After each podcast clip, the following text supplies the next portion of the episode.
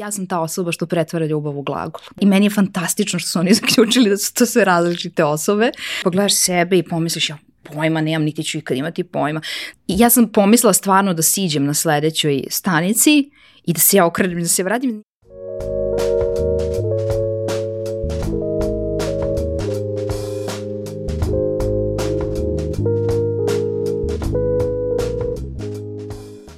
Od svih uspešnih žena koje poznajem, a znam ih priličan broj, nijedna sa takvom lakoćom ne nosi sve svoje uloge kao što je to Milica. I za sve ove godine poznanstva je zapravo nikada nisam pitala kako joj sve to uspeva. Zato sam je pozvala u podcast. Milica Čale je dvostruka dobitnica Pekićeve nagrade. Bivša TV voditeljka, novinarka, direktorka marketinga i komunikacija. Stručni prevodilac za italijanski jezik, preduzetnica još od studentskih dana biznis mentorka, bas gitaristkinja, mama troje dece i promoterka mentalnog zdravlja. Ja sam Aleksandra Petrovski, vi pratite Fusnota podcast, samo za radoznale. U duhu slogana Grand Cafe, hajde da imamo vremena. Kroz ovaj razgovor želim da vas podstaknem da svakog dana nađete vreme samo za sebe. Za početak ću ti postaviti ono najteže pitanje, ovaj, ali spremim sve sagovornike za to. Ko si u suštini ti? A, jeste najteže pitanje, jer dosta sam razmišljala o tome. i Na kraju sam shvatila da ja nemam odgovor, ali da Sonja Dakić ima odgovor, jer pre nekoliko godina smo tako ovaj, pokrenula neku inicijativu nas tri prijateljice sa idejom da pomognemo nekim drugim mamama i ta inicijativa je bila potpuno drugačije zamišljena, realizovala se kao pomoć u stvari mamama izbeglicama iz Sirije e, koje su tada bukvalno bežale sa decom u naručju. Naša ideja je bila da i makar oslobodimo te ruke dok, dok to rade tako što smo skupljale nosiljke, i marame za nošenje beba i u toj nekoj inicijativi je trebalo nekako nas tri da se predstavimo svetu i zapravo nijedna nije umela da kaže o sebi šta je to ona tako u jednoj rečenici, a van van posla kojim se bavimo i u mom slučaju van poslova kojim se bavim, uh, Sonja mene definisala kao ona koja ume da pretvori ljubav u glagol. I meni je to zapravo super definicija mene zato što jeste, ja, ja volim mnoge ljude, ja volim mnoge stvari da radim. I to ali, u aktivi ja bih dodala. hvala ti, da. Uh, ali mi to sve što volim nekako želim da otelotvorim, da se nešto desi od toga što volim. Znaš, i kad sedimo i shvatimo, na primjer, da imamo zajednički hobi, meni nije dovoljno samo da smo konstatovali da ga imamo, nego hajde nešto s tim da uradimo, nešto da uradimo uh, što ne mora da sad bude preduznički poduhvat, da se razumemo, može da bude bukvalno da ti i ja prosto jedno popodne radimo nešto što volimo, ali to kao, ja sam ta osoba što pretvara ljubav u glagol. Da. E, na kraju ću te pitati, ona dovezuje se nekako na ovo, kako zapravo uspeš i da budeš istovremeno fleksibilna i svoja, ali da, da, da čuvamo, da čuvamo to za kraj jer se nekako super nadovezuje. Ja nisam znala da ćeš ovo reći, ove, ovaj, ali, ali sam ti eto nagovestila da će biti a, eh, i ovo pitanje. I to je sad onako šira slika o tebi, a ja bih voljela da čujem a, eh, na dnevnom nivou šta, šta tebe ispunjava, šta kaže, he, ha, ovaj dan je bio uspešan i, bez, i ono, moram da ga nekako da ga primenjujem svakog dana. Da, a to su različiti dani, znaš, pošto ja volim različite stvari. Uh, uh, a da krenemo nekog kao najsuštinskijeg e, i najličnijeg, to su neki dani gde ja ne prebacujem sebi da nešto nisam stigla ili da nešto nije bilo dobro. Znači ti neki dani gde sam ja sama zadovoljna nečim što uradim ili onim kakva sam, to su po defaultu uspešni dani. Uh, I to su uglavnom dani koji mi trebaju u tom trenutku, zato ti kažem jako su različiti. To može da bude dan koji ja konačno provedem sama i radeći nešto što uopšte nema veze s poslom, nego samo ima veze s nečim što želim. Naprimer, gledam seriju ili čitam knjigu ili sviram ili prosto pijem kafu na terasi. To su jako redki dani, ali su, smatram ih uspješnim. Nekada sam ih smatrala mm, izgubljenim danima, kao eto, kao danas ništa nisam uradila. Danas shvatam koliko su oni u stvari važni za mentalno zdravlje, za stabilnost i to da posle budeš bolji i uspešniji u tom ne, nekom poslovnom segmentu. Uh, a, a u drugom nekom smislu uspešnost je opet uh, to su neki dobri međuljudski odnosi, to je nešto što, to su neki ti kao, u stvari to je neke sitne male pobede, nešto što smo uspeli, na primer biljke koje sam posadila ili ne, neka nova vrsta anđela koju smo napravili, pa kao konačno sad je ta receptura super, znaš, nešto tako, ili nešto što dugo radim, neki pregovori koji dugo traju, onda se konačno realizuju, te neke te male pobede su mi baš važne, znaš, to su tako neki, ali nemam, nemam recept da si dan, kao to, to je takav i takav dan, uvek je drugačiji. Ali os osjetiš on koji ovaj dan je bio da. taj. Volila bih da ga prepišem. Tako je, da, tako je. Pročitala sam jedan super uh, savjet, mislim, ajde da kažemo, ovaj, savjet uh, uspešnih ljudi preko 40 kao uh, koji su, jeli, is, imaju ispunjen život i uh, zapravo da, da, da život nije roman, već je zbirka eseja, uh, odnosno nekih upravo ovaj, događaje kao što kao ono, ovaj, ti si e, preduzetnici, kao, to, to, to, je, to jeste na neki način maraton, ali imaš i one sprintove ovaj, koje, koje praviš u toku, u toku same trke. Uh, Ali meni se više sviđa ovo sa esejima, da. to mi je bliža metafora, to sa trčanjem ja to uopšte ne razumem. Znaš, moj, moj pokojni tata je govorio kad smo gledali te prenose maratona, on onako iskreno začuđen, kaže vidi trča, niko ih ne juri. Tako da ja volim fizičku aktivnost, volim vežbanje, volim razne vrste sportova, ali ako mi ikad vidite da trčim, znači da nešto stvarno nije u redu sa mnom, znači to mi potpuno, ta metafora s maratonom, ja nju zapravo ne razumem, znači da razumem je u teoriji, ali ovo sa zbirkom eseja mi je mnogo bliže a, ovaj, a, mada postoje i biznise, odnosno edukacije za preduzetnike baš koje su u formi priprema za maraton. Ovaj, to, sam, to sam čitala, ne znam kako izgleda to ovaj, u praksi, ali ok, zabeležila, ovo je zabeleženo, nećemo ga seći iz snimka. Neko ostane, da zato što realno postoji šansa da ja za 20 godina dođem u neki podcast ili koja god forma tad da, da, da postoji i da kažem, evo ja se spremam za polumaraton. Znači, pošto to sam ja, razumeš, po, to ne znači da neću jednog dana da ali otkrijem super. lepote da, maratona. Zna, znači da ovaj, ono, saznaješ nešto novo i o sebi i o da. drugima i kao vi promenit ćeš svoje mišljenje. E, zamolila sam te e, isto tako da ljudima, ako postoji neko ko, koji te ne poznaju u kratkim crtama nekako... Ako postoji neko. pres... možda ne znajte pod ovim prezimenom. Tako. Da. Ili to, da. Da. Ove, ovaj, da, da se predstaviš u kratkim crtama, ovo, ovo jeste vrlo ove, ovaj, kliše, ali naprosto da im damo ove, ovaj, uvod i kontekst u ostatak razgovora. Od, od mili Milice, od Milice Ličine ovaj, iz Filološke gimnazije do, do Milice Čalije preduzetnice. A to, to je nekoliko Milica. Znaš, i, to, I dok je bila Milica Ličina, sećam se, u Jafi sam radila i neki ljudi su došli na sastanak koji su pokušali na Google da se spreme, da me kao upoznaju i rekli su ukucali smo Milica Ličina, to, to, to su stvarno različite osobe, ima, ima više osoba s tim imenom. Onda sam ja proverila to na Google-u, sad ima, sad su neke devojčice nešto sviraju, ima, pevaju, ne znam, svašta nešto ima, ali u tom trenutku to je sve bila ista Milica Ličina ovaj, i meni je fantastično što su oni zaključili da su to sve različite osobe. Ovaj, da, ima ta jedna koja je dobila dve Pekićeve nagrade, koja je jedna umetnička, literarna duša koja ima zbirku pripovedaka i to je taj iz filološke gimnazije. Ima druga koja koja vodi garažu kojoj razredna još, ovaj, sećam se u filološkoj zamjera što nije naučila perifrastičnu pasivnu konjugaciju, ali mogla si tamo da džuskaš sa džuletom iz Van Goga. Ovaj, tako da ta ima ta medijska znači Milica i ima ta korporativna, tako je u nekom trenutku na nekoj trećoj godini studija koju sam ponovila, ne znam, treći put, na primer, shvatila da možda ipak želim da završim taj fakultet, pa hajde da kao prestanem da se bavim medijima, jer mediji su zapravo tada makar bili meni e, ne, nešto što sam doživljavala kao neki posao uz studiranje i nikad nisam stvarno videla sebe kao voditeljku. To mi je nekako, ne, ne, nije da ne cenim sad, postoje ljudi koji to super radi, koji ima to prosto posao i koji se nalaze u tome, meni to prosto nije bilo dovoljno. Meni je to bio talking head posao i kao super što ja tu umem da radim, ali ne, ja ću da prevodim Dante i Petrarku jednog dana kad završim ovaj fakultet.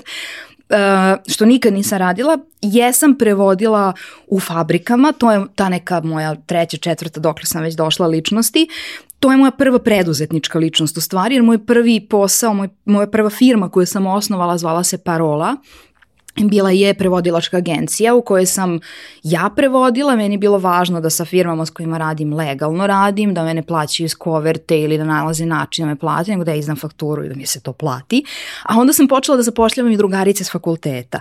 I to je možda moj prvi projekat osnaživanja, zato što nisu svi kao ja kada čuju da u Soko Štarku je potreban prevodilac za montažu mašine, odu i kažu, evo ja ću to da prevodim, nego većina normalnih ljudi kaže, čekaj, što ja znam o mašinama, ja to nikad nisam radila, ali ja volim to učenje u hodu i ja se često bacim u nešto samouvereno uz užasan strah naravno i tremu, ali usput naučim. Tako da sam ja bila ta koja sam osnaživala drugarice da one samo malo treba da se fokusiraju i naći će one te tehničke izraze, izborit će se oni sa tim uputstvima za rukovanje mašinama.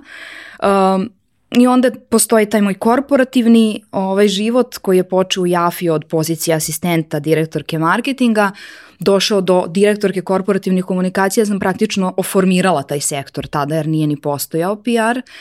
Uh, posle toga sam radila u Foodlandu kao direktorka marketinga i na tom drugom porodijskom pokušala da osnuje manđele zapravo uz taj padobran tog porodijskog, to je jedna od eh, redko dobrih stvari u našoj zemlji i često je zaboravljamo zato što možda ni ne znamo kako, kakva porodijska imaju žene u drugim zemljama. Koliko kratka? Koliko su eh? kratka, zapravo da je to možda dva ili tri meseca sa tvojom bebom i ćao, a ti ovde imaš godinu dana plaćenog odsustva, to je stvarno potpuno fantastična prilika da primjer radi pokreneš svoj posao zato što ako ništa drugo imaš od čega da živiš pa možeš kao da praviš te neke preduzetničke ove eksperimente.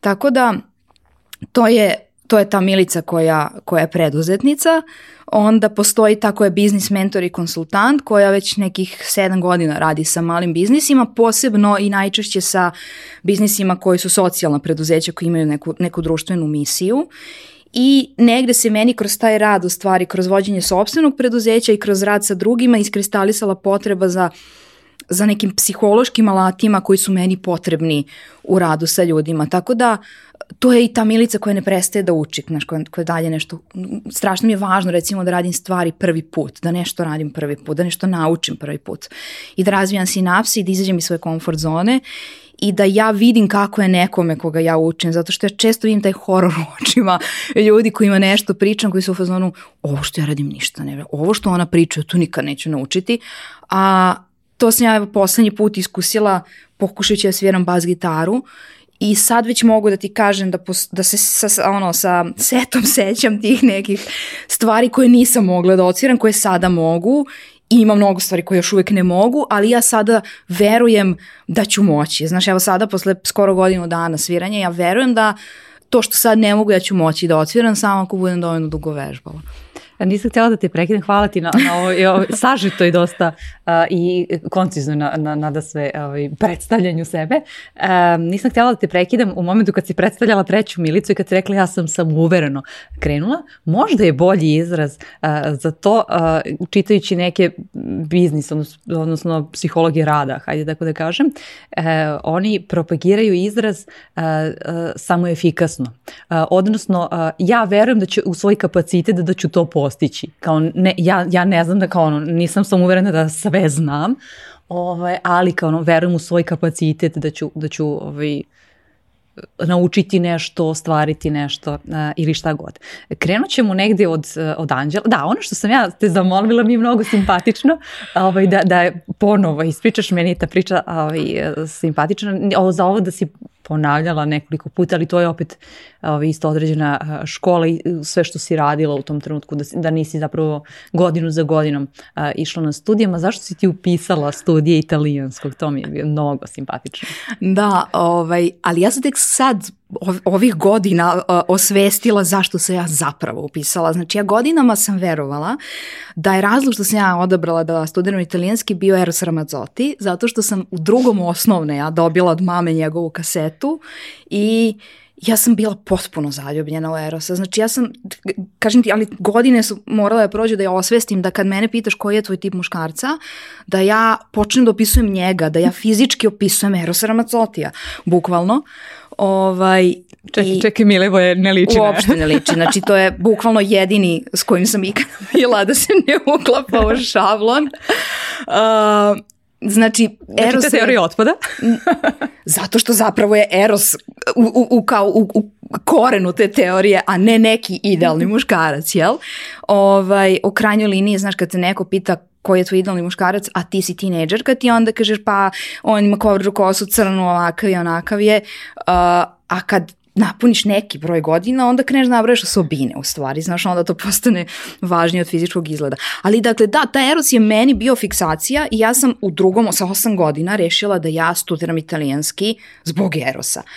Um, upisala filološku gimnaziju i dalje vođena tom idejom i erosom. Mogla si naći neki kraći put, stvarno. Mogla sam naći neki kraći put, pritom italijanski nije postojao u filološkoj gimnaziji kao smer tada kad sam ja upisivala, ali sam imala suludu sreću. Ja sam zapravo imala neverovatan broj tih stanica životnih koji su bili suluda sreća. Jedna od tih stanica je bila profesorka Spremić, Ljiljana Spremić, koja je bila profesorka starogrčkog i koja je u tom trenutku primala dokumenta na upisu u filološku gimnaziju a, koja mi je rekla, aha, italijanski želite, persirala je već tada studenti, o, učenicima, Mi to nemamo taj smer, ali možete da ga učite fakultativno druge godine, upišite klasičnu filologiju, to je uh, osnov je latinski i to vam je osnov za da. italijanski i to mi je kao, kao italijanski. Upišem ja to, To uopšte nije kao italijanski, to uopšte nije kao bilo šta, zaista. A ona je mnogo godina kasnije tako rekla, znate, kad ja tako prepoznam na upisu nekog ko mi se sviđa, čija, duš, čija duša mi se sviđa, ja ga onda ubijetem da upiše klasičnu filologiju. I ja sam joj neizmjerno zahvalna što me ubedila, jer druga opcija bi mi bila možda španski ili engleski, nikada ne bih hmm. pomislila da upišem. Zapravo su jednako zastupljene obe jezika, starogrčki i latinski, ali ti sa tim jezicima dobiješ tu u tom formativnom periodu kada si tineđer, kada ti je užasno važno zapravo čemu će te neko učiti, da li ćeš učiti budalaštine i slušati glupu muziku ili ćeš učiti starogrčku filozofiju.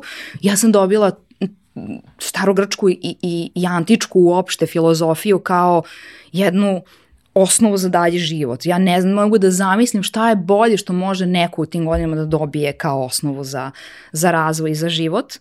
Uh, uzela sam i italijanski fakultativno u drugoj godini. Imala opet sreću da Saša Modrac predaje taj italijanski, on je kasnije bio i profesor na fakultetu, on je kasnije bio šef katedre na italijanskom uh, i predivan je ovaj, jedan stručnjak i dan danas se srećom bavi i pre, predavanjem i prevođenjem. Uh, ali da, tek sada ja mogu da ti kažem da razlog uopšte nije bio Eros. Ja sam možda to zvala tako, a zapravo je mama imala dve drugarice koje su obe završile italijanski, obe su se bavile prevođenjem za neke firme. I ono što sam ja želela je u stvari bio njihov životni stil. One su imale fleksibilno radno vreme, one su govorile taj predivni italijanski, uh, one su... Čak i dok čitaš recept za anđele, to isto zvuči fenomenalno. Da. Bukvalno šta god da pričaš na italijanskom zvuči fenomenalno. One su imale taj... Uh, kažem ti, to fleksibilno radno vreme, često su putovale, često su bile u kontaktu sa strancima i ja sam u stvari to želela. A nisam umela kao dete od 7-8 godina to da, da definišem drugačije, nego sam očigledno podsvesno povezala njih sa italijanskim, a italijanski sa Erosom, ali šta god daje, razumeš? Ja skoro sam pričala sa jednom drugaricom koja je završila opštu književnost o tome da li smo mi uopšte, kao da li ima svrhe taj fakultet i zaključila da apsolutno ima, zato što smo mi ako ništa drugo na njemu naučile kako da čitamo i kako da učimo i te neke stvari koje uopšte nisu zapravo ono, ja ne znam kako sad, studiram 100 godina, ja sam završila pre, pre Bolonje sam studirala, tako da ne znam kako sad izgleda studiranje, znam da je recimo nemoguće da ponoviš treću godinu triput, što sam ja uradila, ali um, možda je sad fokus na nečemu drugom. Imala sam prilike skoro da držim predavanje o preduzetništvu, E, absolventima raznih fakulteta, od ne znam, najviše je bilo naravno foni i ekonomija, jer se oni nekako kroz studiranje najviše sreću sa preduzetništvom, ali tu bilo i medicine, to je bilo raznih fakulteta, to je bilo i umetničkih fakulteta. I kada sam završila svoj taj zvanični deo i prezentaciju i pitala šta sad oni imaju da me pitaju, od ne znam, desetak, 15 pitanja, jedno je bilo o preduzetništvu, Sva druga su bila o životu, o životnom stilu i najviše o mentalnom zdravlju. I lepo, meni je da? fascinantno što tako mladi ljudi imaju svest da te, da te pitaju kako da spreče burnout, kako ti ne izgoriš o tome što radiš, kako čuvaš sebe, kako, mislim ono čuveno, kako sve postižeš, znaš. Uh, potpuno mi je drago mi je da vidim da očigledno na drugi način oni danas studiraju. Oni danas nemaju ispite koje sam ja imala, ja sam imala književnosti jedan koji koja traja četiri semestra i ti onda kad izađeš na jedan jedini ispit ti treba da držiš u glavi celu književnost od prvih pisanih tragova na italijanskom do 18, kraja 18. početka 19. veka, to je užasno mnogo stvari koje neko treba da uči, a realno ne znam da li, da li sam ih Možda kasnije. Možda bi značilo ne, u nekom kvizu. Um, Moguće, ali... da. Mislim, meni, zato što se ja zaljubljam u nepostojeće ljude, ja sam i dalje zaljubljena u Dante, a on je meni to, to kao taj moj ovaj, jedan o, o, o, virtualni ljubavnik. Tako da meni znači taj ispit ovaj, i ja ga držim u glavi dan danas, ali verovatno većina ljudi to ne radi. Uh, Tako da, da, odgovor na tvoje pitanje je Eros Ramazzotti koji u stvari je samo metafora nečeg u stvari drugoga, to je taj život koji zapravo živim danas. Danas tečno govorim italijanski i često putujem i u kontaktu sam sa strancima i imam fleksibilno radno vreme. to mi je, da, zato što e, ovaj, nekako koliko god sad, a danas su mnogo dostupnije bilo kakve informacije u vezi sa, sa fakultetom, pa i kao potencijalnim zanimanjima bez obzira što, što ovaj, posebno generacije koje se sada školuju, verovatno ne znaju kuda će ih put odvesti, ali uvek mi nekako iz tomaka na kraju odaberemo i, i, i, ovaj, i imamo neku svoju vizualizaciju na neki način toga. Da se vratimo na preduzetništvo, e, odnosno da počnemo otprilike sa preduzetništvom. E, da, mi... nismo mnogo odmakle da, da možemo da počnemo. Ove, ovaj, ono, što, ono što mene iz vaše preduzetničke izmiljivoje i tvoje preduzetničke priče e, zanima je, oboje ste došli iz nekih velikih sistema I ja znam da sam prvi put za Anđele čula od tada svog bivšeg urednika koji je svoje vremeno radio sa, sa, sa tvojim suprugom na, na B92. B92. Kaže, Joel, možeš da veruješ kao on je radio on tamo. On je obrta, Obrtao je neke milione, mislim obrtao u smislu ovaj, baratao i tako dalje. Ozbiljne ugovore i sve to. Kaže, I sada čovek donosi na kuću na dresu ti donese. Ove, ovaj, ne znali smo povlašćeni kupci ili nama Milevo i ovaj dan danas donese. Jeste. da, donese nekada ovaj kesu anđela na, na kuću na dresu. Elem, ove, ovaj, I sada od svih tih e, i jedan i drugi e, ogromnih e, ono, KPI-eva i, i, i ovi, ono, koji se mere u hiljadama i milionima, treba nekako da se da se svedete, hajde tako da kažem, i da za uspeh smatrate kao, e, super, mi smo danas prodali čoveče dve kutije, anđeli kao, to je, to je nama u početku uspeh. I to na neki način ja sam možda to definisala kao ono E, promena definicije sopstvenog uspeha, hajde da, kažemo da. da. merenje. Kako ti to ovaj, definiš? Ali ja mislim da ja tu promenu tom, imala i pre, da je zapravo prvo došla promena definicije uspeha, promena načina na koji merimo uspeh i u stvari sanđeli posledica te promene. Jer uh, ja često kad pričam tu našu priču, pričam, uh, navedem primer, uh, milioni devojaka bi ubili za ovaj posao, to je rečenica iz filma Đavo nosi prada, ili iz knjige, ako više volite da čitati, Đavo nosi pradu. I milioni devojaka bi ubili za taj moj posao u Jafi recimo koji sam tada radila ili u Foodlandu a, i to je stvarno jedna super pozicija gde si ti vrlo odgovoran, gde stvarno trošiš neke neke užasno velike novce. Sećam se kad sam prvi put u Jafi uh, počela se bavim media buyingom, odnosno ajde za ljude koji ne znaju šta je to, to je kada e, firma definiše marketing budžet, pa dobar deo tog marketing budžeta se potroši na oglašavanje na televiziji, u novinama i tako dalje. Uh, da, ja, da sam ja brojala nule meni, ja nikada u životu nisam videla taj novac, nikad nisam zamislila toliko novca, Ja, kao najviše novca što sam ja u životu imala, to je kao to koliko ja mesečno plaćam stan koji iznajmljujem, znaš. A ovo su sad neke pare koje ja treba da, po, ja treba da potrošim, pazi, koje vrede kao 30 stanova, 50, snimanje jedne reklame košta kao stan u centru Beograda. I, I ja treba kao da potrošim taj novac, ja treba budem odgovorna. Ja treba sad, što je u stvari naj, najveći kao na, pritisak da kad ja potrošim taj ogromni novac, da taj novac zaradi još veći novac. Da. Tako da... Da se uli u neku drugu kasu. bu, da, da, bukvalno. Da, cirkularna ekonomija. Tako da meni je kao, znaš, ta, ta promjena perspektive još tu bila jasna. Znaš, meni je bilo jasno da ja sad kad dođem na posao da ja treba da potpuno promenim percepciju jer to nije moja lična percepcija kao što nisu ni moje pare, kao što ja zapravo to treba da potpuno drugačijim očima gledam. E tako je bilo i... i... Ali lakše ti nekako da se sa nečeg manjeg popneš nešto veliko nego da se... Zapravo da, ali onda to veliko, pošto nosi, posebno kažem ti, u Foodlandu sam ja imala i ljude u, u, svoj, toj, u svom tom sektoru kojima sam bila direktor, za koje sam bila odgovorna. Mislim, realno imam i sad, ja zapravo sad nosim veću odgovornost za svoje zaposlene nego u nekom, u, u okviru sistema, ali to je ta vrsta neodgovornosti, odgovornost mi nije problem, ali to merenje uspeha u svetu gde znaš, ja volim da kažem korporacija Red Race, trka pacova, gde se ti drugi pacovi laktaju i spremni su na sve uh, da, da, da ti podmetnu nogu na razne načine uh, da bi da bi oni kao uspeli, da bi ti njihovi uh, parametri uspeha se više vrednovali tvoji, a šta su parametri? Pa to je kao gde mi je kancelarija, gde se nalazi, koji službeni auto sam dobio, koji laptop imam i ta konačno ta plata koju ti zapravo nemaš kada da, da potrošiš, Zato što ja sam recimo u Jafi bila slobodna eventualno nedeljom, eventualno, nekad ni tad. I ta ogromna količina posla i stresa je na kraju uzrokovala time da ja imam fizičke manifestacije tog stresa, da ja već čista mira se u ponoći probudim od neke alergije, od nekakvih osipa, od problema koji, koji nisu imali realan zdravstveni uzrok, nego su bukvalno bili posledica mhm. stresa. Tako da sam ja, zapravo kad me telo opomenulo, uh, redefinisala parametre uspeha i meni oni zapravo, meni novac nikad nije bio parametar uspeha, odnosno jeste u smislu super imam sad puno para, nigde neću da otputujem. Ne kao ja se ću da kupim skupi auto, ja sam uvek vozila neku malu korsu ili tako neki mali auto čak i tada, Ovaj, I bio je moj, to mi je isto bilo važno, znaš da ne, ne, ne osjećam se kao da sam u nekom robovlasništvu zato što sad će meni kao gaz da kupi službeni auto, znaš ko imam svoj auto, ne trebam i limuzina da se njoj vozim.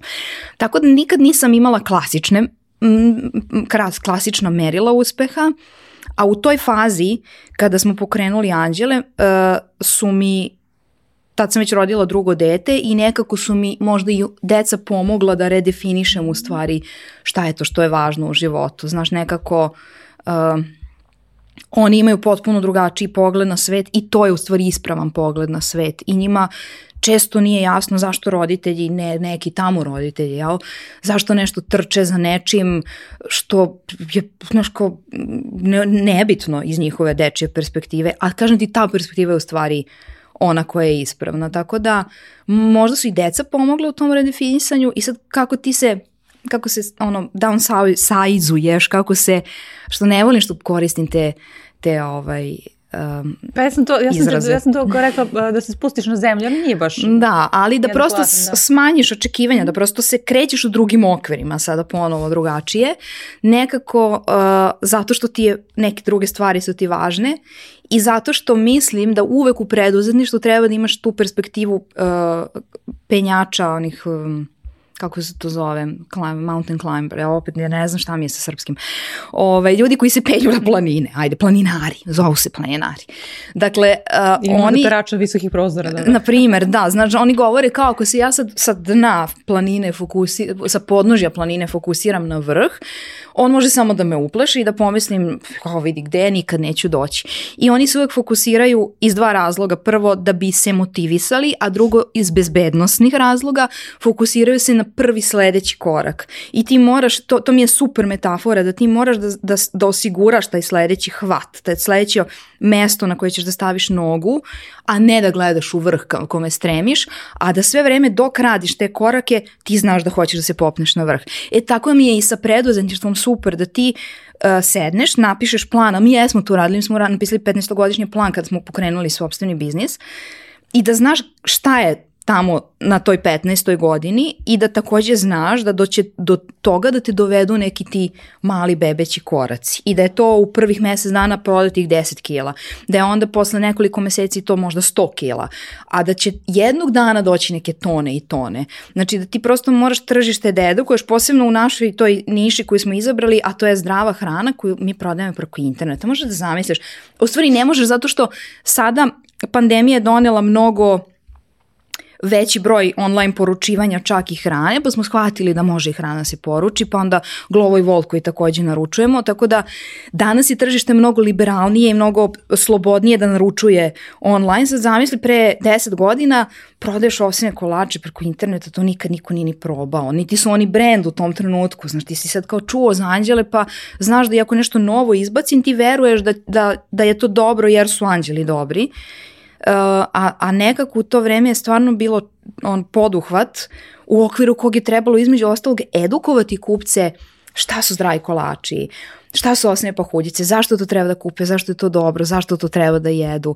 Tako da ja mislim da je to odgovor na tvoje pitanje o stvari da drugačijim merilima gledaš uspeh, drugačiji su, su parametri uspeha, ne novo. Mislim, na kraju ti dođeš do, evo, kao anđeli su došli do tih nekih uh, stotina hiljada, miliona, ne znam čega, ali ja te pare manje više gledam kako prolaze preko računa, jer one dođu pa odu za plate, pa odu za sirovine, pa odu za nešto, znaš, ili odu tako što se ulaže dalje u taj biznis. Uh, tako da dođe se na kraju od, od kilo, dva, tri do nekih stvarno tona, ali je poenta da se fokusiraš na tih prvih 10 kila, a ne odmah na 10 tona. E, je to kao da, kao svaki dan kažeš o sebi, imaš ono, um, ovog meseca je stvarno dovoljno 10 kg, jer ima nekih dana kada verovatno Ne, a češće su oni dani kada se probudim u pola noći u fazonu sam, ne, ja moram se vratim na posao kad istegne novo porodičko, zato što nećemo imati šta da jedemo, kao ješćemo ove ovsje kolače. Tako da, češ, češći su ti dani, posebno još kad ti dođu zaposleni, pa onda oni svoj posao rade najbolje što mogu, a moj je posao da obezbedim da oni imaju posao i uh, nije to stress free, znaš, sad bi glupo da. bilo da ja pričam ljudima, ono, ima onaj mim on, iz uh, moje pesme, moji snovi, jesi tako, je li tako prevedeno The Sound of Music? Ne, znam, uh, gde ona trči preko Alpa, onako u haljini nekoj razdraganoj i, uglavnom se on, ta slika koristi za e, ja kako me baš briga šta misliš o meni, na primjer. E tako kao, znači ja preduzetnica trčim je podno Alpa, uopšte nije tako i mnogo su češći ti teški dani i glupo je da pričam ljudima da njih nema. A šta kao. kažeš onda sebi? Mislim, jer jedno je taj 15-godišnji, vi ste prešli dve trećine tog 15-godišnjeg plana, ove, ovaj, ali šta kažeš sebi kao ono, u, u tom trenutku ono, izdraži legendu. Ili Bukvalno. Mislim, možda vam je lakše da što vas je dvoje nekako, a nisi ti ta sama ovaj, ili da je Milivoj sam koji je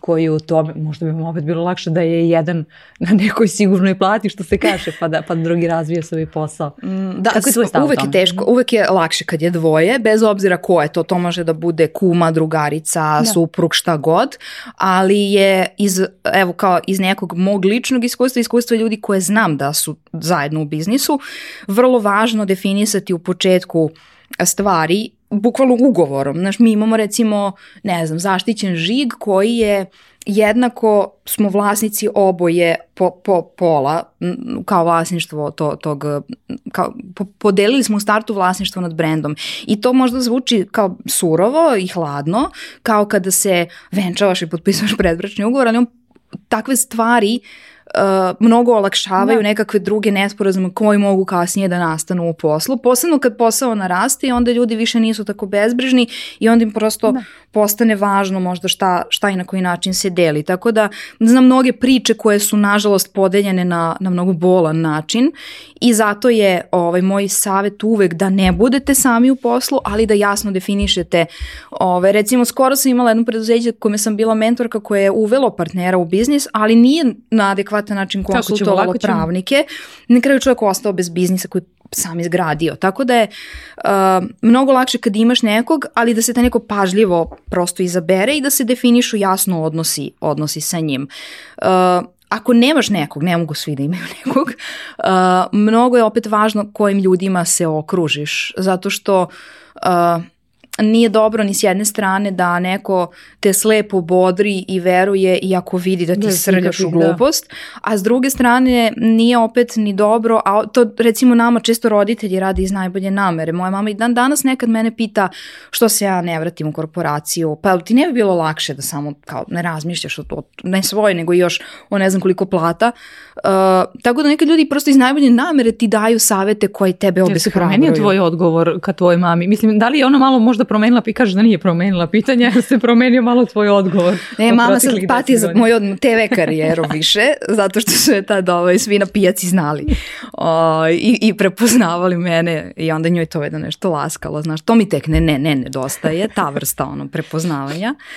Uh, Dobro, sad može da nosi YouTube, mislim telefon. Da, da, da, može da nosi telefon. Znaš što me recimo zabavlja? Postoje ljudi koji me i dalje drže u telefonu kao Milica Ličina, postoje ljudi koji me prepoznaju iz tog perioda, postoje ljudi koji me prepoznali nisu sigurni više odakle jer je prošlo stvarno mnogo vremena i onda me pitaju, mi se sigurno od nekud znamo. Sad je, znaš, kad bi krenula da ja nabrajam odakle smo mi možemo da se znamo, ja kažem, ne znam, i vi ste meni poznati.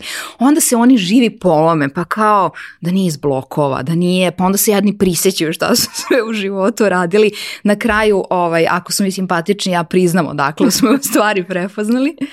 Uh, ne znam, nekako mi je slatko što, što Pepita i dalje, što ona nije odustala, ali vidi i ona već da je to sad stabilna priča i da ona nema razloga da, da brine, kao vidi ona, nekad se ona sekira što mnogo radim, kao ona bi možda volila da ja manje radim, ona ne shvata da mene baš ispunjava to što to sve što radim, znaš, kao da, da želim da manje radim, ja bih našla način da manje radim, ali u principu mislim da je to važno, znaš, kad imaš te dane kada hoćeš da kloneš, da neko drugi, da prosto to nekom kažeš, znaš, nekako jedna od stvari koju nisam pomenula, a to je moje volontiranje u ovom udruženju za tebe važnje, koje se bavi mentalnim zdravljem.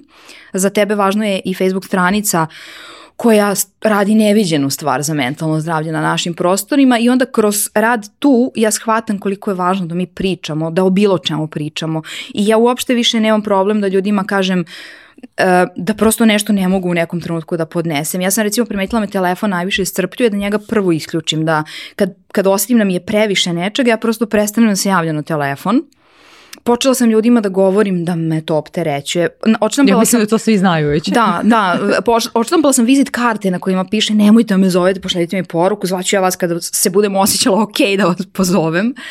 Uh, tako da nekako je i to važno, znaš, da govoriš da ti je teško i onda nađeš podršku Da govoriš okrugu. kada ti je teško, da. ne, ne da ti je snalo. Da, da, da, da govoriš stvarno kada ti je teško, da, ne treba ni da kukaš snalo, ti je teško. E, Ja imam utisak isto da si ti nekako, uh, stalno je sad, to, to je onako kako izgleda iz nečiji tuđe perspektive, uvek je trava kod komšija zelenija, uh, da si ti da nekako fleksibilna za, za dogovor, za sve to, um, da si otvorena za nove ideje ili šta god, ali da si istovremeno uh, postoji uporište uh, ovaj, koje, koje ovaj, kad, se, kad se god to drvo možda pomera na koju stranu koje ovaj, drži čvrsto na neki način. Kako si uspela ovaj, to da postigneš? Kad mi je bio gost Stefan Milenković, on je rekao jednu fenomenalnu rečenicu, mislim da ću odštampati isto, ako je ne istetoviram ovde.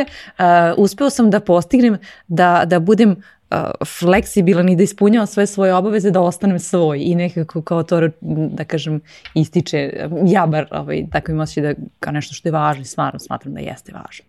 Kako ti to uspevaš? Mm, ja sam skoro našla neku budističku ovaj, rečenicu sličnu koja se svodi na, da, da, malo, mislim malo je duža misla, ali se svodi na to uh, uh, bit ću ok ako se dogodi i bit ću ok ako se ne dogodi. Ja nisam došla dotle, nisam još tu, ali jako bih vola zapravo da ja znam, budem tu. tu, tu iz, o, to Marata, Marata Safina tenisera koji kaže ono kao i kad pobediš i kad izgubiš kao ono budi dovoljno cool. Kao da, nešto. da, znači i to, to je baš teško, znaš, to me stremim da budem ok ako se nešto ne dogodi. Tu sam možda najmanje fleksibilna jer kad nešto jako želim da se desi ili isplaniram nešto lepo i onda se to ne desi, uh, to me jako pogodi. Znaš, tu možda ne odreagujem i to se možda ne vidi, ali me emotivno to jako potrese. Znaš, nekako se i dalje se razočaravam, posebno kada emotivno se negde jako involviram. Kako da reaguješ? Kako samo i sebi pomogneš? Uh, pa neka mi, kažem ti, baš bude jako teško, a nekada uh, skoro sam stavila ovaj, kao, kao onaj, kako se to zove, onaj wallpaper na, na, na telefon, da me on podsjeća da šta god da ti je to sada, to će da prođe kao nešto drugo što je prošlo. Mislim, podsjetiš sebe, lakše je kad doživiš nekoliko razočaranja i onda sebe prosto podsjetiš da si već nešto preživeo. I poslednju neku tu veliku anksioznost sam imala kada je tamo izgledalo kao da će možda da se završi pandemija. Uh, a onda je počeo rat u Ukrajini. I onda sam ja potpuno izdramila, ovaj, baš sam s mamom pričala o tome kako ja ne mogu, ja, meni je ovo predugo vanrednog stanja, ja ne mogu da podnesem da se sad desi, taj, a pritom je ličilo da, da taj, jer liči i dalje, mislim i dalje imam realnu bojazan da taj rat može da Skalirano bude, veći, da je skalirao da. nešto veći, da, da ja ne mogu ponovo da preživim, danas nemam mleka, danas nemam hleba i nema struje i nema ničega, ja prosto ne mogu to ponovo da preživim. A onda mi je mama koja je jedna stamena osoba i jedan od mojih idola u životu u smislu kako ona se nosi sa stresnim situacijama, ova je rekla, ali mi smo to već preživeli. Uh, znaš da ćeš da preživiš, znaš, i, i onda možda to i nije loše to da podsjetiš sebe da si stvarno svašta nešto već preživeo, što znači da ćeš ponovo nešto da preživiš, a možda kao najveća poruka iz tog što si preživao je to će da prođe, to je opet neki budizam, znaš, samo što u budizmu te podsjećaju da će i lepo da prođe, pa da uživaš u tome, a da će i ružno da prođe, tako da, mm, nisam sigurna, nisam još fleksibilna koliko želim, ali ovaj, jesam više nego pre i, i učim to i radim na tome i mislim da je neki broj tako stresnih situacija ili razočaranja takođe dobra škola da naučiš da prosto se nosiš sa tim nekim stvarima, da nekad prosto nešto ne mora da se desi.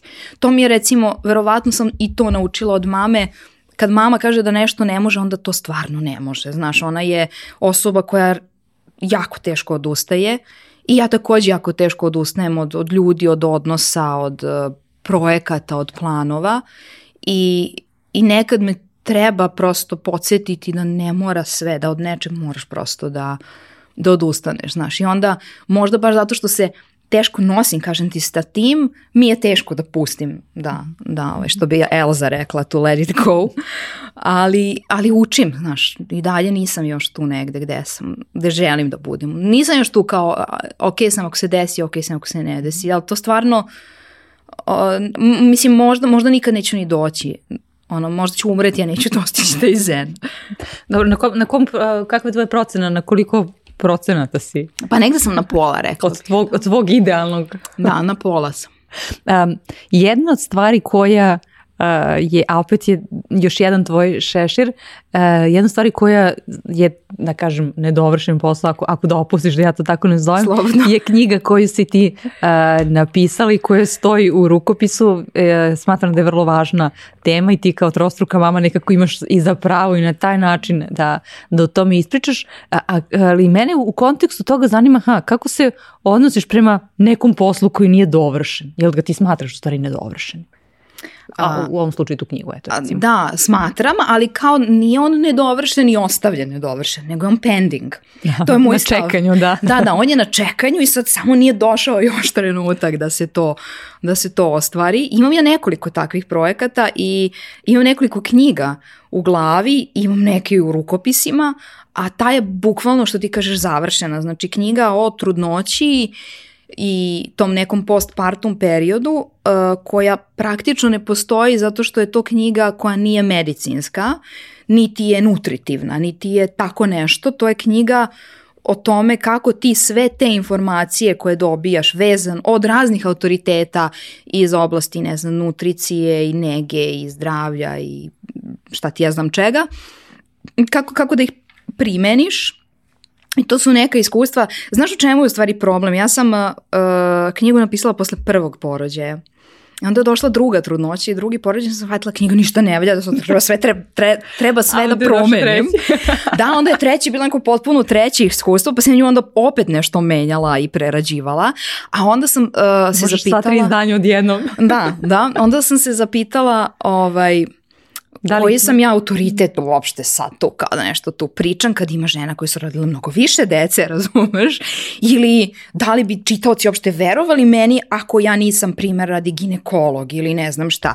Onda sam krenula ponovo da dorađujem tu knjigu, da uh, uključujem kao saradnike ljude koji su ginekolog, doktor, nutricionista, frizer za nego kose i slično, jer razne stvari, onda sam shvatila mi nedostaje zapravo psihološka dimenzija, da meni nedostaje taj storytelling u kom ja stalno nešto nekom pričam, a da sam se zapravo svela na te tehničke mhm. aspekte, a da nema tog dela. Tako da ona zapravo i dalje se dorađuje i problem je u meni što ja nikad neću verovatno biti zadovoljna njome, ali zapravo si u pravu, možda, evo, možda sada kad smo je javno pomenuli, jer nikad je javno nisam pomenula nigde, možda me ovo motiviše zapravo da sednem konačno i da je, i da je ovaj, napišem i da je završim. Da, ja, ja ovaj, poštujući tvoju ovaj, privatnost nisam htjela naprosto da kažem, pustila sam tebe da, da, da ako želiš da, da kažeš konkretno o čemu je, o čemu reč, a, a meni nekako izgleda da je to kao, ha, postoji ti si spomenula sad u jednom trenutku kao ono, prevelika je odgovornost ka toj temi, Ove, I onda zato kao treba još ovo da doradim i treba još ovo. Pa da, i onda kažete, onda sam ušla u priču o mentalnom zdravlju, onda sam shvatila da mi je to možda najvažnija mm -hmm. stvar, jer mi je to generalno najvažnija stvar u poslednje vreme jer sam nekako spoznala da da zaista nema važnije stvari, da ti ako nisi okej, i ako nisi stabilan, ne mogu da budu ni ljudi oko tebe, ne može da bude ni tvoj biznis, ne može da bude ni to čime se baviš. I koliko god da si uspešna u nekakvom poslu, ako nisi okej sama sa sobom, to prosto sve stvarno nema smisla. I mislim da je to možda neka moja sledeća, sledeći projekat i sledeća misija, ta vrsta uh, osnaživanja e, ljudi, a prevashodno žena da pričaju o tome da im je teško i da pričamo o stvarima koje se uzimaju zdravo za gotovo ili, ili možda neka ta vrsta edukacije da jedna drugoj budemo podrška, a ne da jedna drugu još osudimo ako kažemo nešto zbog čega nam je teško. Pri čemu sad ne mislim na to da uh, treba da govorimo, na primjer, radi društvenim mrežama, e, danas mi je jako teško, nego ako se pa mama... Pa svi lupe like. Da, i onda svi Ili lupe... Care. Da, ovaj, da, I da, da, se na da, tome završi. Da, i, nego ako neko kaže, uh, ne na svom profilu, nego primjer radi o Hagbag sam gledala pre mhm. neki dan i mama je stavila da nešto radi dok drži bebu u marami, gomila nekih ženskih komentara je bila na temu, e, to je prava mama, pošto da, ta mama ima troje dece, to je u stvari, mislim, mislim bila poenta, i uz to nešto radi tim rukama slobodnim, jer su ruke slobodne pošto je beba u marami. Uh, To je prava majka, ne ove što rode jedno pa nešto kukaju. Znači, potpuno je okej okay da ne rodiš ništa, da rodiš jedno, rodiš sto, to stotinu dece i da kukaš zbog toga, zato što ti je u tom trenutku teško. I uh, imam, da, između ostalih stvari koje pišem, u poslednje vreme jako redko pišem i vola bih da nađem više vremena za oba moja bloga. Jedan je kao stručni o marketingu, a drugi je divna, divna mama. Na divnoj mami imam tekst o tome, kad mi je do ovde bilo tih ovaj savjet, o tome kako nekako prestanite da mi govorite da uživam u tome jer tako brzo prođe zato što meni u tom trenutku strašno teško i baš me briga što će sutra možda da prođe, a neće proći sutra, proći će za mnogo godina i onda će doći taj period kad će deći se da odrastu i da odu i šta ćeš ti onda tako sama? Ja sam u ja ću onda konačno da radim sve, zašto sad nemam vremena, zato što se bavim nekim coachingom dece i njihovim obavezama i domaćim i ručkovima i ne znam čime se ne bavim. Ovaj, tako da to bih volela da, da mi bude misija, prosto ta vrsta edukacije. Jer mislim Ali da jednog da ljudi... dana kad budu njih troje, kad ih da, da, da, da ta ću se ja baviti ovaj, edukacijom, istraživanjem ljudi o tome koliko je važno da kad neko kaže nešto da mi prosto ne osudimo to zato što mi ne znamo kako je toj osobi. Mi Ili prosto... da ne govorimo društveno poželjne odgovore i, i, i da, da, se ne osjećamo društveno poželjno ako da. se ne osjećamo u tom trenutku zaista tako. E, spomenula si jednu trenutku burnout, nadovezuje se na ovu temu uh, i da si ti, i da su te pitali studenti, da si ti na svom ličnom primjeru iz, uh, e, iskusila tako nešto. E, ti si neko ko se e, davao i uključiva emocije i tako dalje maksimalno na, na svojim prethodnim poslovima iako ovi, si bila zaposlenija ne preduzetnica. Sada si u drugoj ulozi da imaš neki ljudi koji su e, zaposleni pogotovo, rekla sam ti da ću to spomenuti, meni je to stvarno ovaj, vrlo značajno i nekako kad, kad god se ađili spomenu e, da zapošljavate teško zapošljive kategorije žena, e, između ostrog je to jedna od vaših bitnih misija, nije jedina. Kako se sada ti kao uh, neko ko, ha, imaš, spomenula si i imate sada i, i svoju radnju i ovaj, očekivanja sa različitih strana, eh, na tom nivou odnosiš prema svojim zaposlenim, ali ne u odnosu na ono što ti njima kažeš, nego kao, kako su tvoja iskreno nekako očekivanja, razmišljanja i slično? a, kako kažu, ne znam, Miroslav Ilić, meni su svi moji pesme ko moja deca. Znaš. Tako meni ja sam htjela jedan drugi citat od e, ovaj Miroslava da spomenem ranije, ali dobro. Čekaj, čekaj da razmišljam. A ne, ne znam, ja nisam ja neki veliki poznavala. Ne u tom kontekstu, nego ovo kao kako da se smanjiš, ono selo moje lepše od Pariza, znaš. A, to, da, da, da, da. Ja, ali neko mi ga je skoro citirao, a ja sam sad zaboravila. Postoji genijalni, poslaću ti. Nije život jedna žena, dobro? Taj je, taj um, da, no da, da, da pustim Miroslava. Uh, zaposleni, zaposleni kak, znači, jako velika odgovornost, znaš, uh, nekako je, pa to je kao kad postaneš roditelj i onda shvatiš da ta, taj neki novac koji zarađuješ više nije samo za tebe i za to što ti želiš ili ti treba u životu, nego zapravo redefinišeš prioritete pa onda shvatiš da moraš prvo neke druge stvari da platiš i da potrošiš na nešto drugo da bi onda razmišljao uopšte na šta još možeš da trošiš. Tako je i sa zaposlenima, prosto uh, jednom je Mislim da su anđeli već postojali tada i pričali smo o njima u okviru nekog panela u Mokrogorskoj školi menadžmenta. Ona je inače mnogo ta, ta, ta sama škola je, uh, okuplja jedan mnogo konzervativniji krug ljudi i patrijarhalniji, ali to nekad nije ni loše, znaš, da odeš i da čuješ i neku drugu perspektivu i bio je vlasnik i direktor Sirogojno kompanija koji sa, mislim, pa i ne iz Sirogojna, jel tako, zato se tako i zove, tu pletu neke džempere od nekih lokalnih ovaca i to se sad već prodaje, na primjer, u Japanu jer je prepoznato kao kvalitetno i, i, i, i dobro. I sećam se da je on na tako neko slično pitanje rekao uh, ne možeš da otvoriš firmu i da sutra sedneš u Mercedesa. I ne možeš da sedeš na Mercedesa ako nisi zaposleno isplatio plate. I to je početak i kraj svega, jer sam ja imala gazde koji su seli ne u Mercedes nego u BMW-a, a da su mesec ili dva pre toga firmi rekli, znate, kriza je, moramo sad svi naredne tri mjeseca 30% da smanjimo plate, a onda se pojavi novi jako skupi BMW na parkingu.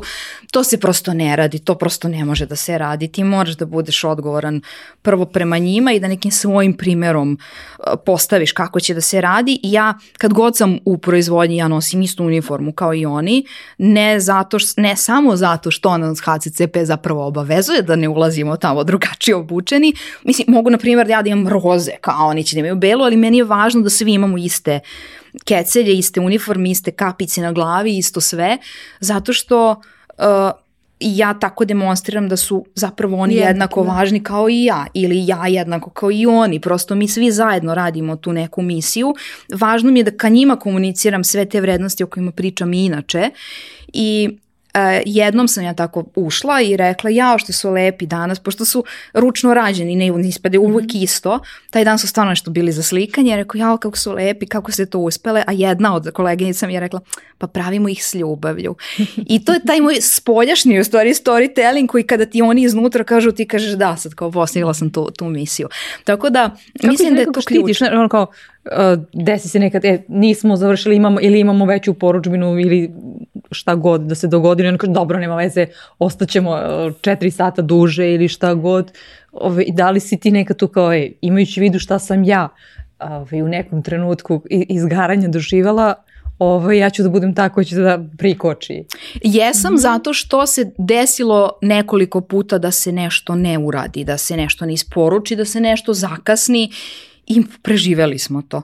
Tako da ja vidim sada da oni imaju veći problem s tim nego ja. Oni recimo imaju, uh, one su sve, pošto u proizvodnju su sve žene, uh, one su sve uh, domaćice u onom uh, smislu reči ne, ovaj zapravo ni izraz adekvatan za to u smislu kao nekakvi Imaju domaće kućno vaspitanje, da, ja to volim i, tako da, da kažem. Da, i kao recimo osoba koja vodi ekonomat. Mm eto, u tom smislu kao domaćinski se odnose prema stvarima s kojima rade. Znači, njima je jako važno da nemaju škartu u proizvodnji. One kada imaju nekakve, mi ih zovemo škartova, to su recimo neke koji ispadnu manji, krivi, polome se, nemaju dovoljno gramažu, polome ih pakerica i slično.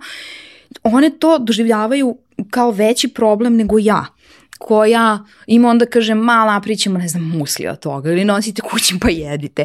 Uh, to ja jako cenim i uh, na u tom u stvari, na tom nivou ja vidim da one zapravo cene taj moj odnos prema njima. Zato što jedna od prvih stvari kad smo pokretili firmu je bila ta da ja, posebno ja kao žena u firmi, u žena u raznim drugim firmama, korporacijama, ne želim da Nika, niko od njih, ni jedna od njih dožive ono što, što ja jesam, što moje drugarice jesu, znači nikada ni u jednom trenutku ne želim da neka ima problem zato što treba dete da vodi u Tiršovu, da, ima pro, da se osjeća loše jer je ostalo u drugom stanju. Znaš, a pritom sam slušala od svojih nadređenih i od vlasnika firme, mi smo porodična firma, mi to podržavamo, a onda kada se to desilo, tako. u praksi to uopšte nije tako. Mhm. Tako da ja hoću da mi budemo preduzeće kome je kome su ljudi važni, u kome ljudi mogu da kažu danas mogu, danas ne mogu. Ja imam uh, više osoba koje, jer većina je zaposlena u nekim,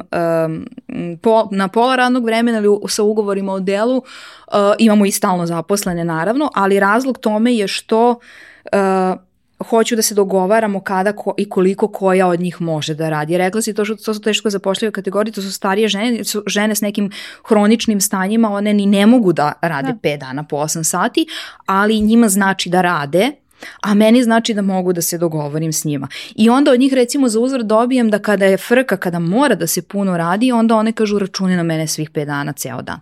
Tako da um, sad je zapravo i sve teže zaposliti nove ljude jer ta osoba ne treba da bude samo nešto u okviru firme, nego treba da bude njima deo porodice. Da. Bukvalno, to je kao da sad kao imamo porodicu i treba da zaposlimo strica.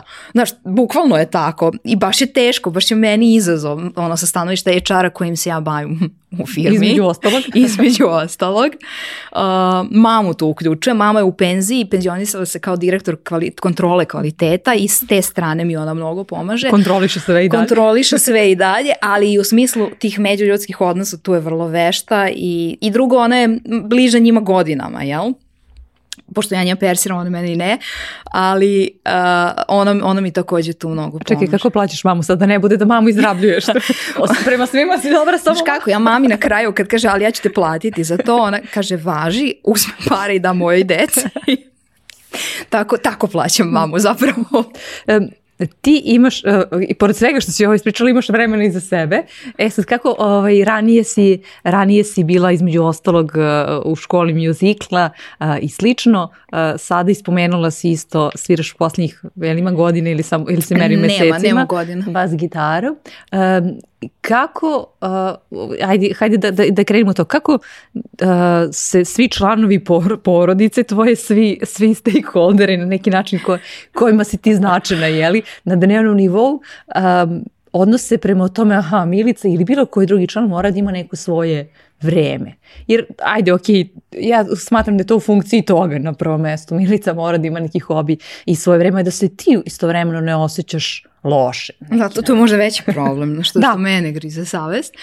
A, trebale su mi godine da to osvestim i nije bilo lako i to vreme za tebe ti niko nikad neće dati, moraš da ga uzmeš. I kada... Ali čini mi se da je ono kao da, ima, da daš sebi dozvolu za tako nešto. Da, moraš sebi da daš dozvolu. Takođe, ovi svi tekstovi koji kao osnažuju mame i kažu mame vreme za sebe, priuštite sebi vreme, e, priuštite sebi toplu kupku ili masažu ili ne znam šta. Ja čitam one tekste, odnosno čoveče, to je kao osnovna higijena, ne možeš govoriti ženi da je vreme za nju, to što će otići da se okupa.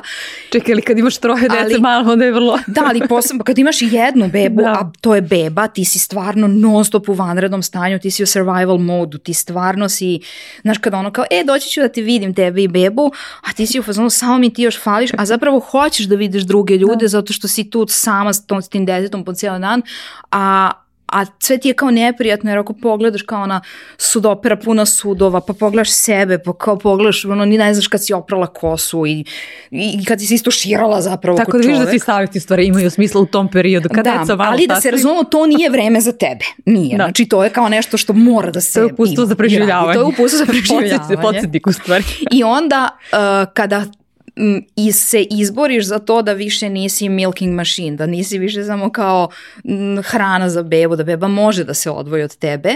Ja se sećam, prva, jedna od prvih stvari na koje sam išla je bila, smejaćuš mi se, je bila tribina na kolarcu o tome zašto se i dan danas čita božanstvena komedija Dante Alighieri meni je bila jako važno da odem da slušam tu tribinu, posebno što je moderatorka bila moja profesorka književnosti Mirka Zogović, koja je fantastična profesorka, fantastična žena i njeni divni sagovornici. To je meni nekako veza sa nekim pređašnjim životom. Ja sam tako ovo da kažem sebi racionalizovala da. neke stvari kao aha, zato, zato što to ima veze sa nekim mojim pređašnjim životom kao sve je okej. Okay. Da, ha? da.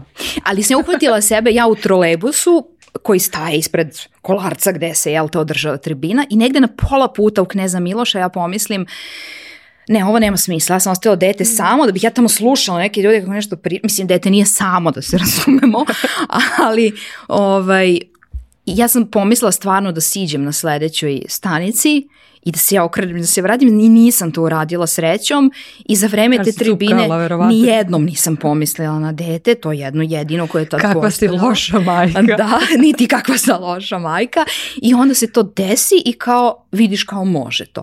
I onda, svi su Da, i svi su preživeli. Onda posle nekog vremena sam ponovo počela uveče da izlazim I sećam se da mi je to prvo dete stajalo pored mene i plakalo kao kiša dok sam se ja šminkala. Sam ja u nekom trenutku ja počela plačem, pa se maskara razmazala, pa to nije nešto nije ličilo. On je plakao kao da idem da umrem, jer nije navikao da da ja mogu negde da odem. I tu sam u stvari osvestila da je moja mama imala jednu rutinu, doduše ona je radila žena od 6 do 2 i kad, kad radiš od 6 moraš da ustaneš pola 5, ne znam nija kad je ustajala. I kad dođe kući tako oko 2 mi nešto ručamo zajedno, odnosno dođe oko pola 3, 3, uh, onda ručamo nešto zajedno, onda ona prilegne. Da li ona spava ili ne, nebitno je, ali se mama tada ne dira. To je mamino vreme. Mama je, zna se, ona, ne znam, či, gledala je dinastiju, na primer. Kada mama nalakira nokte, ti ne tražiš ništa od mame. Kad mama uzme čita knjigu, ti ne tražiš ništa od mame. Ne prekidaš mamu dok čita. I ja sam shvatila da to mi danas ne radimo. Mi ne kažemo našoj deci, kad kažu dosadno da mi je, mi ne kažemo uhvati se za uši pa igraj što su nama govorili, nego mislimo da je to surovo što su nam govorili i sad smišljamo način da se oni zabavljaju, što je potpuno pogrešno, jer ako ni zbog čega drugog, naš je zadatak da njima bude dosadno, naš je zadatak da ih odbijemo. Mi moramo, mi smo prva osoba koja mora da im kaže ne, jer ako to mi ne radimo, onda danas sutra neće umeti da prežive kad ne dobiju posao koji žele, kad ih ostavi devojka, dečko. Znaš, mi prosto moramo i zbog njih da imamo sebe. I ja sam to kasno osvestila da je i za njihovo dobro uh, važno da ja imam svoje vreme, da ja ne budem stalno tu, da oni znaju da uzmu da skuvaju špagete sebi, pa nek jedu špagete, ali da znaju sebi nešto da naprave, a ne da kao odgojim decu koja kad budu u jednom trenutku samostalno htela da žive, da oni kao budu, znaš, na, na glovu i voltu neko vreme, onda kad shvate više nema para za to da onda gladuju jer ne znaju ništa sebi da spreme, znaš. Tako da njima je važno to. Ja mislim da sam ja bolja za, za sve što ti kažeš stakeholdere kad e, mi je važno da imam vreme za sebe. I drugo, za mentalno zdravlje je važno da imaš te stvari koje dižu serotonin, znaš, da li je to ples, da li je to odlo. Onda recimo sad na nekad na Lindy Hop radionice, te retro stvari mene stvarno uh, ovaj, raduju, znaš, pa to burleske musical, indie hop, znaš, ne idem na, redko idem na moderne stvari, ali Uh, to, to vreme za, za sebe, ti prosto sebi budeš dobar, onda i drugima budeš dobar. I ne doživljavaš njih kao prepreke uh, da. do, do neke svoje sa sreće ili ispunjenje, šta god. Da. Uh, I sada oni drugi deo, dotakla si se toga li uh, e, radost učenja nečeg novog, bez obzira što ti između ostalog i vodeći firmu i tako dalje stalno nekako učiš uh, nešto novo, uh, ovde si spoznala ovaj, drugačiju vrstu tog uzbuđenja, da. oduševljenja da. i ostalo. I, I benefita u stvari, mm zato što ti uh, kada učiš, ne, i zašto ljudi uglavnom mislim odustaju, primjer radi ta, evo ta bas gitara mi je super primer, zato što kažem ti, ja sam daleko od toga da, da mogu baš da je kao sviram, ali uh, koliko je meni sada lakše nešto da odsviram nego tada, koliko sam očajna bila što nisam mogla prste da postavim, ja uh, ja fizički sada mogu nešto što nisam mogla, mentalno mogu sada nešto što tada nisam mogla da uradim i taj osjećaj je neprocenjiv, zato što onda njega možeš da primeniš na sve druge sfere života, uh, Eh, na stranu to što učenje novih veština ti uh, razvija nove sinapse u mozgu bez obzira na godine. Znači, uopšte nije tačna premisa da mi do nekog trenutka možemo da učimo, Sranda. onda da. prestanemo. Zapravo se to de, ta, ta degradacija mentalne, te kognitivne fleksibilnosti se dešava zato učimo, što da. prestanemo da mhm. učimo nove stvari. A zašto prestanemo? Zato što uh, mislim da je dvojak razlog. Jedna je ta osuda društva neuspeha. Mi nismo društvo koje veliča neuspehe a, nego ih osuđuje i, i prosto na neki način kažnjava, umesto da ih doživljavamo kao jedan korak ka učenju, pa kao tri puta nešto neću uraditi, da ću iz te tri pokušaja naučiti nešto i četvrti put će biti uspešan. A drugi razlog je što ti kad učiš nešto novo, tebi je zapravo neprijatno. Ti onda moraš da izađeš iz komfort zone i ti u tom trenutku misliš da to nećeš savladati i teško ti je i nestabilan si i uh, u tom trenutku prosto osjećaš nekad fizičku bol osjećaš, osjećaš da nisi i, i onda osjećaš da nisi dobar, kao onda, onda sebe osuđuješ, pa kao evo nikad neće ovo moći, vidi kako nemam pojma. Onda se obično poredimo s nekim koji su proveli godine i da. godine da, učeći to nešto. I samo su tome posvećeni, da. I samo su tome posvećeni i onda gledaš to, pa gledaš sebe i pomisliš ja pojma nemam, niti ću ikad imati pojma. Da, ali je taj osjećaj neprijatnosti zapravo najsigurniji znak da učiš nešto mm. novo. I njega sam počela da cenim recimo. Znaš, taj osjećaj da ja, kad osjećaj neke nelagode, da nešto ne vladam nečim mi je zapravo super jer sad znam da ću za neko vreme vladati time i da ću onda, to, to će onda značiti da imam neku novu veštinu. E, Milo mi je sjajno i pohvalno u kontekstu toga e, da, da se ne, odnosno da, da se uspeh, do, neuspeh doživljava nečim, nešto što, što, što nije dobro. Ovde to ne bih smatrala neuspeh, ali ti si maltene jedan od prvih snimaka kako sviraš podelila da. a, javno na društvenim mrežama a, i to je kao uglavnom te ljudi poznaju iz konteksta ok, preduzetništva i tako dalje, dakle jedne uh, uspešne žene i sada se na neki način ogoljavaš kao, e vidite, ja sam u ovome potpuni početnik i ok mi je da to podelim sa svetom. Ovaj, jer si imala tad neku zadršku onako ili ovaj, bez obzira što je većina, ako se, ako se ne stidiš svojih početnih šta god, kao ovaj, to, ovaj, za neko vreme to znači da ništa nisi napredovao. Ovaj, ali I to je sve u teoriji, ali kako si, jel si, jel si ti imala tu zadršku neku kada si objavljivala, imaš i snimke gde pevaš i tako dalje.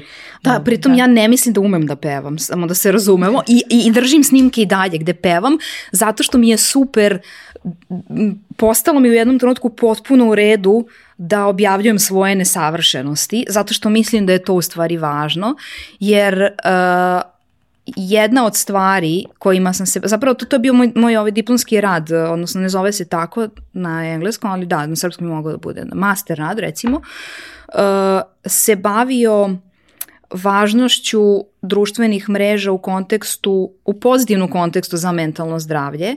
Razlog imamo tome, mnogo toga u, u negativnom Da, razlog kontekstu. tome upravo bio taj, mm -hmm. ta poplava negativnih e, posledica po mentalno zdravlje. Jedna od tih negativnih je kad ti stalno gledaš ljude koji se slikaju kroz filter i koji su tako savršeni, uh, onda počneš da prispituješ sebe i onda misliš ja ništa ne valjam, i meni je sasvim u redu, ja sam inače uh, išla na solo pevanje i tad sam zapravo naučila mnogo o impostaciji glasa, naučila da to te note koje čitam reprodukujem glasom, to je opet neka nova veština, to je sve super, ali sam ja tad shvatila da ja prosto nisam pevačica, ja nemam, ja fizički nemam glas da bih pevala, ja, ja mogu iz tog svog glasa izvučem maksimum, a zapravo... Znam neke maksimum... pevačice koje su to uradile i to vrlo uspešno. da, ali kao, znaš, to ima neku granicu. Ja nikad neću pevati kao, ne znam, ni Arita Franklin, na primjer. Uh, ali me to neće sprečiti da otpam jednu pesmu i da je stavim na društvene mreže, zato što ja istinski uživam u tome i uh, zato što zapravo volim taj neki cosplay i to, to presvlačenje i to, to, kažem ti, taj musical i meni je super da postoje hobi za odrasle ljude u kojima ljudi uživaju i da dolaze neki ljudi da slušaju. To, znaš, to ti kao kad odlaziš i slušaš karaoke, kao kad neko zapravo zna da peva, to je bez veze. Ali ti, ti da emociju, to, to smo pričali. Da. da.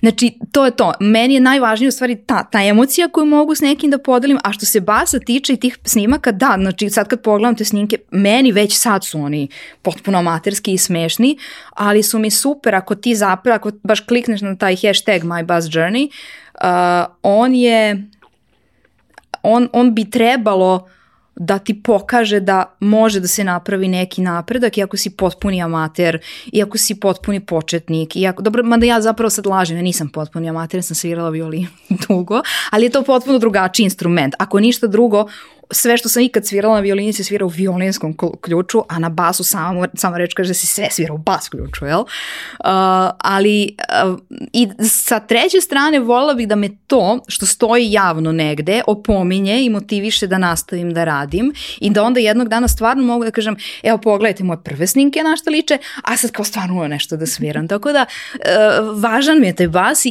i, i uživam sad u tome. Ne znam koliko će me držati ovaj entuzijazam, ali, ali volila bih da me između ostalog ti snimci motivišu da ne odustane od njega. Mhm. Spomenula si u jednom trenutku uh, ovaj, svoj master radi bih volao da ga, da ga pročitam. Uh, isto, isto, isto Ili možemo da, da, da, da se da. dogovorimo da uh, te moje pripovetke koje su neke sam prerasla i neke su mi bez veze iz ove perspektive, a neke kad čitam pomislim strava je bila ova Milica koja pisala sa tipa 17, 18, 19 godina. Ovaj, tako da da, možemo da se govorimo da ih delimo sa nekom misijom. Dogovoreno. Um, za master sam htjela da te pitam, a, ti si u, što se kaže, nekim poznim godinama, je li? Baš ti hvala. Neprihvatljivom, neprihvatljivim godinama, kada se smada je sada već, ovaj, ok, a, ali a, sa, sa drugačijim ono porivom si, si ovaj, pisala sam master rad, a, jer si ta, u, u tom periodu a, pozvana si da držiš različite radionice i tako dalje, onda si shvatila da ti preduzetnicima da si shvatila da ti nedostaje a, još jedno znanje, umjesto da sedneš da pročitaš jednu knjigu ko stav svet, eventualno sve, da. posti, pročit, pogledaš dva YouTube klipa, ti si lučila da upišeš čitav master. Da. Ili, ili skoro sam saznala, postoji nešto što se zove PEAT i to je neka kvazi psih, psihijatrija, kvazi psihologija, e, ti možeš time da izlečiš bilo koju vrstu traume ili problema tako što završiš dvodnevni kurs. Dvodnevni. Ja ne znam kurs. da li stvarno treba... I brojem dvodnevni kurs.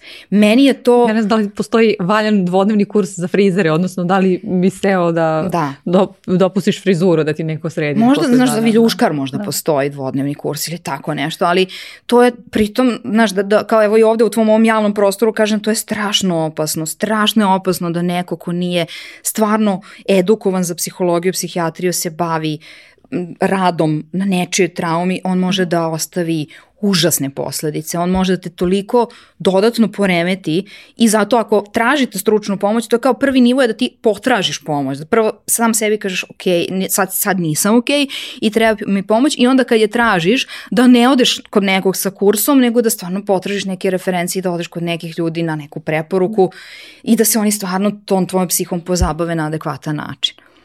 Kako si ti to gledala, dakle, e, kao investiciju, ne kao trošak preduzetničkim jezikom govoreći? Dakle, to jednogodišnje... A znaš šta, postoje jedna istina vezana za ljude koji upisuju psihologiju i većina, možda će neko da se naljuti, ali ako su iskreni prema sebi, ovaj, daće mi sad za pravo. Znači, ti ne upišeš psihologiju ako si okej. Okay.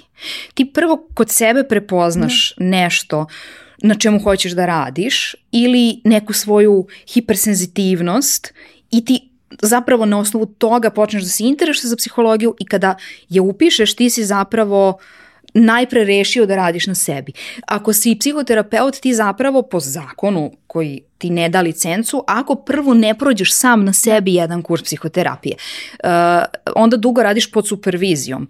To između ostalog znači i da imaš nekog ko nadgleda tvoj rad, ali to mnogo više znači da ti imaš nekog iskusnije psihoterapeuta kod koga ćeš ti dalje da odlaziš na tvoje sesije, zato što ti ne možeš kao početnik da nosiš taj teret koji dobijaš od, od svojih klijenata sa kojima razgovaraš, ako i sam sa nekim ne radiš na, na sebi.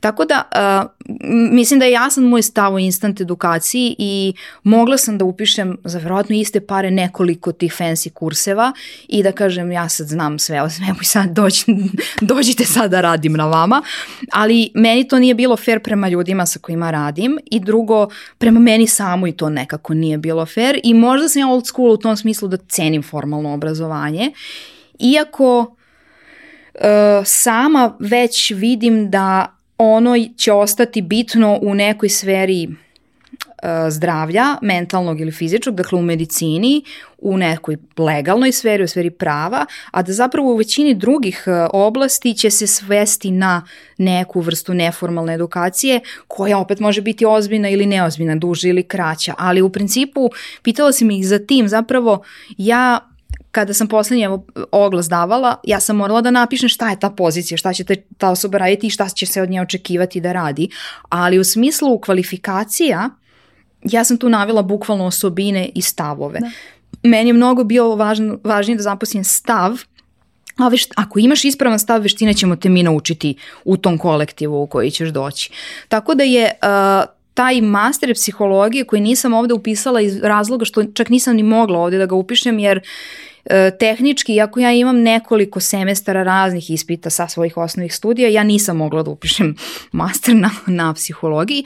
Možda Bolonja to sad omogućava, ja to ne znam. Ovaj, onda sam pokušala da otkrijem da li je to moguće na nekom privatnom fakultetu, onda sam shvatila da za te slične pare, ako uspijem da dobijem neku delimičnu stipendiju, zapravo mogu da biram i neki drugi fakultet. Izabrala sam ovaj univerzitet Pensilvanija, koji je inače najstariji u Americi i samim tim je imao i najrazvijeniji, prvi je krenuo online učenje, imao i najrazvijenije te načine učenja na, na daljinu. A to je bilo pre pandemije? Da, to je bilo pre da- pandemije, 2018. je to bilo, da. Rano si se prilagodila, ako gledam. Pa da, ali ga da. završila jesam mm -hmm. u mhm. pandemiji i to tako što na kraju nisam morala ni da odlazim zato što je pandemija prosto pomogla, je. pomogla je, da, donela je ona nekoliko dobrih stvari, ovaj, to je kao, znaš, kada bi sad iz čista mira tebe i mene udarila struja, to bi bila baš ozbiljna kriza. Ali kada si nađeš u krizi, kada, na primjer, imaš srčani udar, onda ta struja kojom ti povrate srčani e, mišić je zapravo kriza koja, koja je donela mnogo više dobrog. Znaš, tako ja gledam i pandemiju. Donela je svašta. Bila je baš da. ozbiljan izazov i ne mislim čak ni da se završila, ali donela je tako i nekih par dobrih stvari osa, raznih tema smo se dotakli ovde i, i e, tvoje različite i veštine i znanja a, spomenuli, a, e, ali mene zanima ako možeš da izdvojiš bez kog to jednog znanja, veštine ili neki gosti su se odlučili za osobinu, ti danas ne bi bila ova milica sa kojom ja razgovaram. Pa mislim empatija. Zato što ti ne možeš da živiš sa, naš, no man's an island, što kaže ovaj film sa Hugh Grantom, a onda on kaže I am, I'm a fucking Ibiza, ali ja nisam Ibiza i mislim zapravo nije ni on i to, to me služi ceo taj film. Mislim da je i on snimljen po knjizi uh, All About a Boy. Uh, da, ja sam to našla, ali to nije čak ni Hemingway citat, uh, e, nijedan čovjek nije ostro, ali počinje uh, jedna knjiga njegova timska. Da, dakle svakako ovaj, sve što radimo, uh, to je, znaš, kad kada recimo kad ja pitam Ivana Minića kako to ti kad pričaš s preduzetnicima, ti razumeš to što oni rade, kako to tebi Vanja Grbić kaže ovo je najbolji intervju koji, si, koji sam ja dao u životu, a Ivan kaže to je zato što mi je stalo.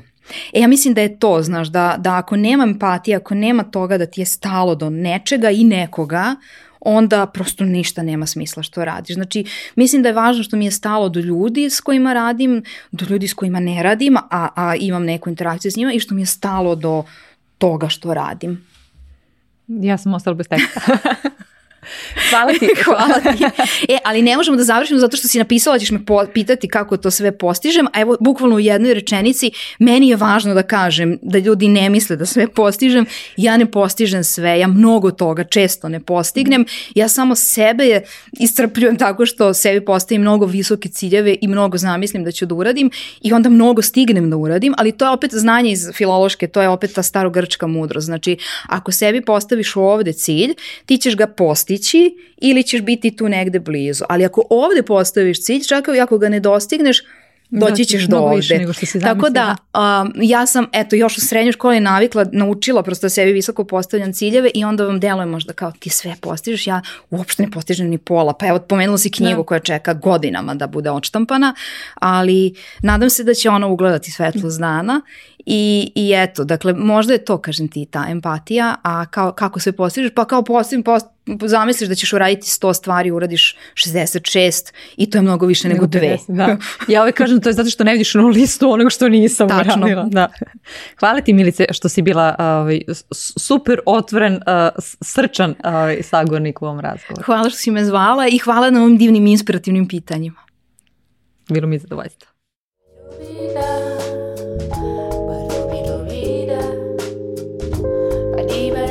Da. Es raro.